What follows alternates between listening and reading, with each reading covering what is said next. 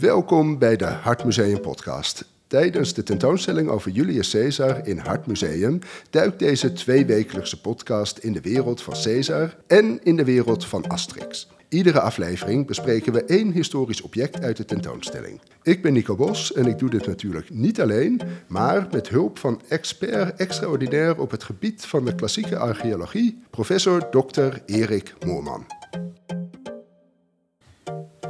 Erik, welkom. Ja, fijn er weer bij te zijn. Vandaag eh, gaan we het hebben over eh, ja, misschien wel het eh, beroemdste Romeinse kledingstuk, de toga. En ja, die wordt eigenlijk meteen geïntroduceerd in het begin van de tentoonstelling. Met een aantal beelden. Een groot marmeren beeld van een man in een toga. En twee kleine bronzen beelden van een zittende en een staande man in een toga. Wat betekende de toga voor de Romeinen?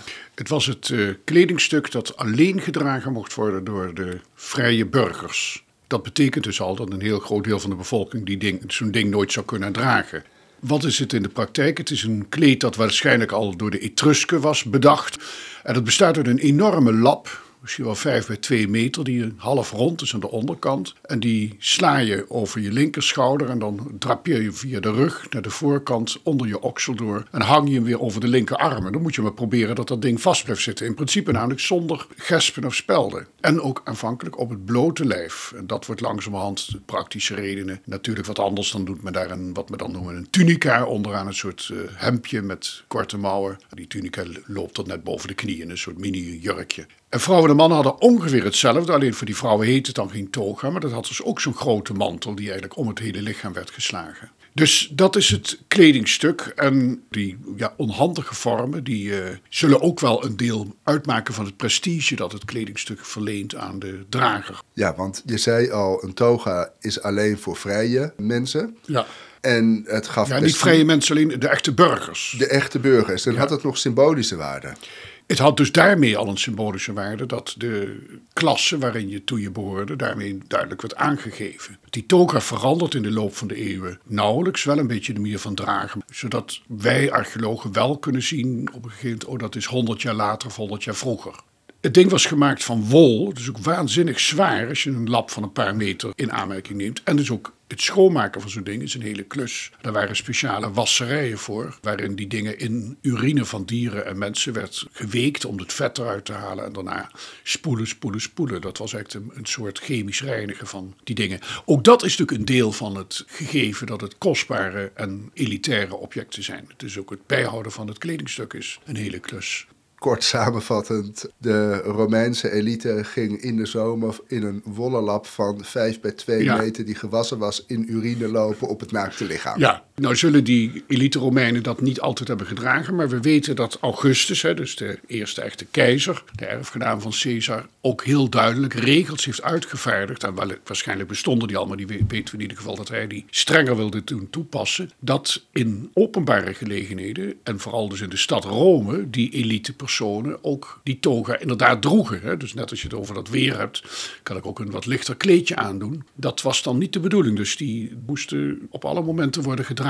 En niet alleen bijvoorbeeld voor senatoren in de Senaat of uh, bij een ontvangst bij de keizer of bij de consul of wat dan ook. Maar die zouden ze dus de hele dag moeten dragen. Ook thuis, als ze thuis... Nee, thuis is dus natuurlijk een andere situatie. Dan ben je juist buiten het openbare domein. Het gaat dus om het optreden in het openbaar. En eigenlijk zijn het verder hele saaie dingen. Het zijn witte, ongekleurde lappen. Ze zijn wit gemaakt, dus het is een beetje grauwe wol waarschijnlijk. En dan waren er nog wel wat varianten mogelijk. Door bijvoorbeeld dat er een soort biezen op werden aangebracht. Toga met, met klavigai, zoals die heten. En die randen konden dan bij specifieke functies horen. En een kind bijvoorbeeld droeg ook een toga met versieringen. Een jongetje natuurlijk dan, die burger werd. En die gekleurde toga legde hij af wanneer hij volwassen werd. En dan kreeg hij die saaie witte toga aan. En welke leeftijd kregen ze hun eerste toga? 14, 15. Oh, nou, als kind kon het zijn dus dat ze al mini-togaatjes dragen. Dus ook wel afbeeldingen van jongetjes, van arme jongetjes van 8, 9 jaar die in zo'n ding gehuld zitten.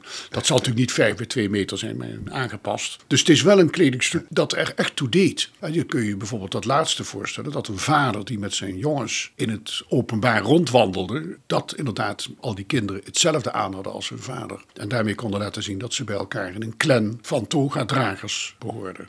En de biezen onderaan de toga, dat had te maken met de functie of had het ook te maken met een clan? Of, uh, was nee, niet clan. Het was geen clan. Het gaat echt om de functies die de figuren droegen. Of bij een bepaalde prestatie, bijvoorbeeld een triomf, dus de allerhoogste eerbetuiging aan een Romeinse burger. En later eigenlijk alleen aan de keizer, dan droeg hij een rode toga. Maar die dingen werden dus verder niet gekleurd. De gewone toga was wit met eventueel een rand en daar bleef het bij.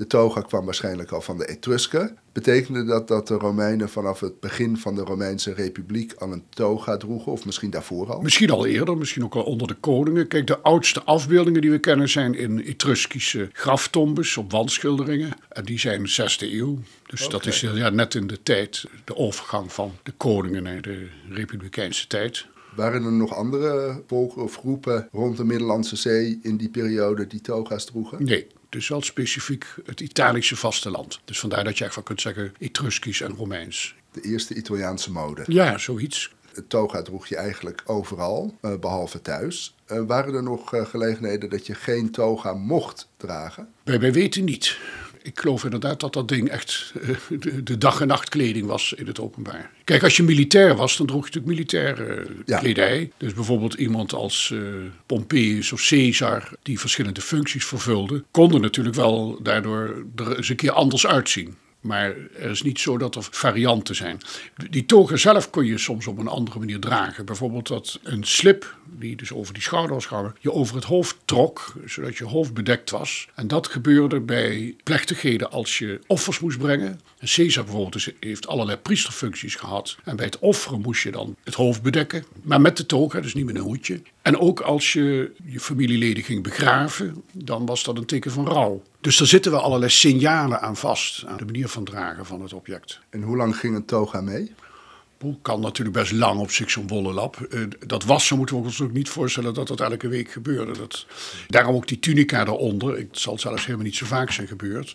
Je moest het natuurlijk goed bijhouden, schoonhouden. Er zal ook wel weer speciaal personeel zijn voor zijn geweest. Nou, een toga, dat betekent dus een zekere status. Maar in de omschrijving bij een van de beelden staat de propaganda van Caesar noemde vaak expliciet de respectloze houding van zijn vriend Marcus Antonius, die in toga ongepaste handelingen uitvoerde en zo de eer van het Romeinse volk bezoedelde. Ja, wat het precies is, weet ik ook niet. Het wordt ook niet duidelijk gemaakt. Ik denk dat het meer een combinatie is van dat hij dingen deed die men niet netjes vond. En als je die dingen dan deed in dat officiële kostuum, was dat extra verkeerd. Het is dus niet zo dat het kostuum dat verkeerd maakte, maar de handelingen maakten het kostuum ongepast bij de handelingen. Maar klaarblijkelijk voelde hij zich vrij om zich te gedragen zoals hij wilde. Het zegt niet veel eigenlijk. Het zegt alleen dat die toga wel symbool stond voor het... Eigenlijk respect, het, het, respectvol gedrag, ja, ja. Je moet je dan voorstellen, we krijgen ook nog een uh, aflevering over redenvoeringen houden. Maar dat bijvoorbeeld bij het spreken in het openbaar je die grote lap ook nog op de goede manier moest houden. Dat hij niet afgleed van je lijf als je met je armen ging zwaaien bijvoorbeeld. Dus het betekent ook een soort van zelfbeheersing. Uh, omdat je vrij beperkt bent natuurlijk in je handeling. Je moet eigenlijk met één,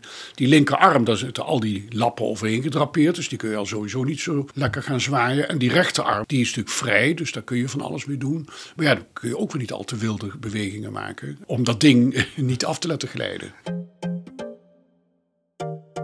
In Asterix-strips komen de toga's natuurlijk ook hartstikke vaak voor. We zien hier toga's die gedragen worden in de Senaat, toga's die gedragen worden in de rechtbank, op de slavenmarkt, tijdens officiële bijeenkomsten met Caesar Klopt dit allemaal? Dat zou dus allemaal kloppen als we terugdenken aan de officiële positie of omstandigheden waarin je dat ding droeg. Dan kun je zeggen de slavenmarkt, ja waarom zouden ze dat doen?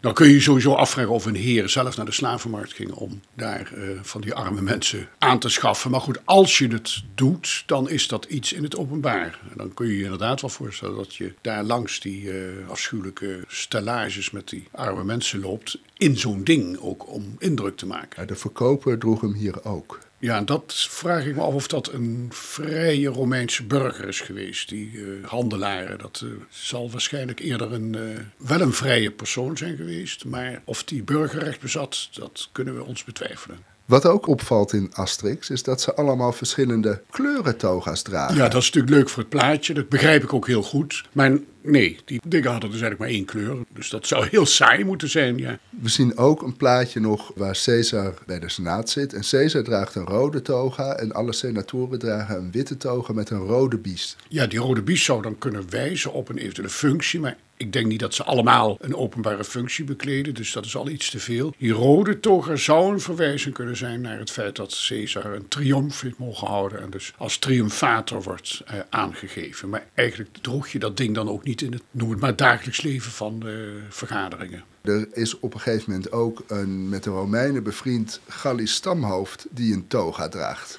Er waren natuurlijk wel personen uit de provincie, noem ik maar, die burger werden. Die zouden dus dan het recht mogen hebben om toga te dragen. Maar of hier zo'n stamhoofd net na die oorlogen al burgerrecht heeft gekregen, dat is heel erg te betwijfelen werden door andere overwonnen volkeren, die dus officieel geen toga mochten dragen, misschien dan andere op toga gebaseerde kledingstukken. Dat zou je best kunnen voorstellen, dat ze er iets droegen wat erop leek. En nogmaals, een aantal werd op den duur wel burger. Maar het imiteren om een wit voetje te halen bij de Romeinen. Dat is iets wat, wat een rol kan spelen natuurlijk. Dat, is, dat weten we wel dat dat gebeurde. Ook dat men expres bepaalde gebruiken ging overnemen. Men heeft dat in de archeologie en, en geschiedenis wel romanisering genoemd. Hè, met mensen die zich aanpassen. En dat is vaak als cultureel fenomeen gezien. Dat iets is opgelegd vanuit de Romeinse kant. Maar dat kan heel goed een wisselwerking zijn, dat ook die groepen zichzelf willen conformeren en daardoor rechten verwerven.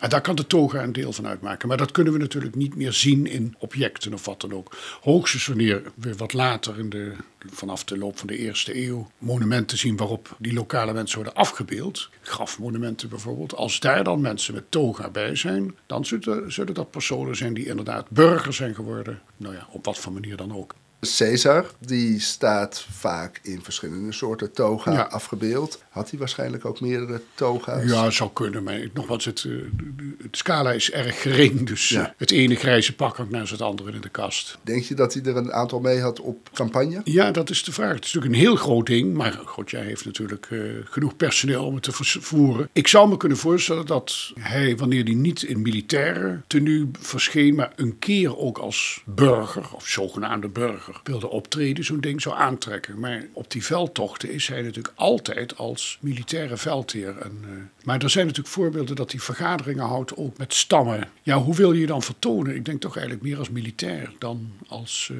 burger. Ja, in Asterix verschijnt hij toch wel buiten Rome meestal in gevechten. En ik denk dat dat een waarschijnlijke keuze is voor de, van de tekenaars, ja. Waarschijnlijk weet iedereen wel hoe een toga er ongeveer uitziet. Maar je kunt het heel mooi in de tentoonstelling komen bekijken. Bij een aantal beelden, dus aan het begin van de tentoonstelling. Maar hoe de toga in Asterix werd afgebeeld. Klopt dat, dat is wat meer fantasie. Dat is een beetje zo. Duimpje tussen hoog en laag eigenlijk. Duimpje horizontaal? Zoiets te zeggen. De Julius Caesar tentoonstelling is tot en met 20 mei te zien in Hartmuseum. En tijdens de voorjaarsvakantie kun je ook heel leuk met kinderen de Julius Caesar tentoonstelling bezoeken, want voor kinderen is er een gratis speurtocht door de tentoonstelling. Wat is er verder komende maand te doen in Hartmuseum? Zaterdag 24 februari om 11 uur. De lezing Julius Caesar komt naar Amsterdam door kunsthistoricus Karin Braamhorst in samenwerking met de Vrije Academie. Zaterdag 9 maart om 3 uur. De lezing Een nieuwe kijk op Romeinse vrouwen door Emily Hemelrijk, emeritus hoogleraar oude geschiedenis aan de Universiteit van Amsterdam. Zondag 10 maart om 3 uur in de kerkzaal van Hartmuseum een optreden van de zeer talentvolle sopraan Josefina Hoogstad in samenwerking met Classic Young Masters. Meer informatie over al deze activiteiten op hartmuseum.nl onder activiteiten. Dat was het, Valeten en tot over twee weken.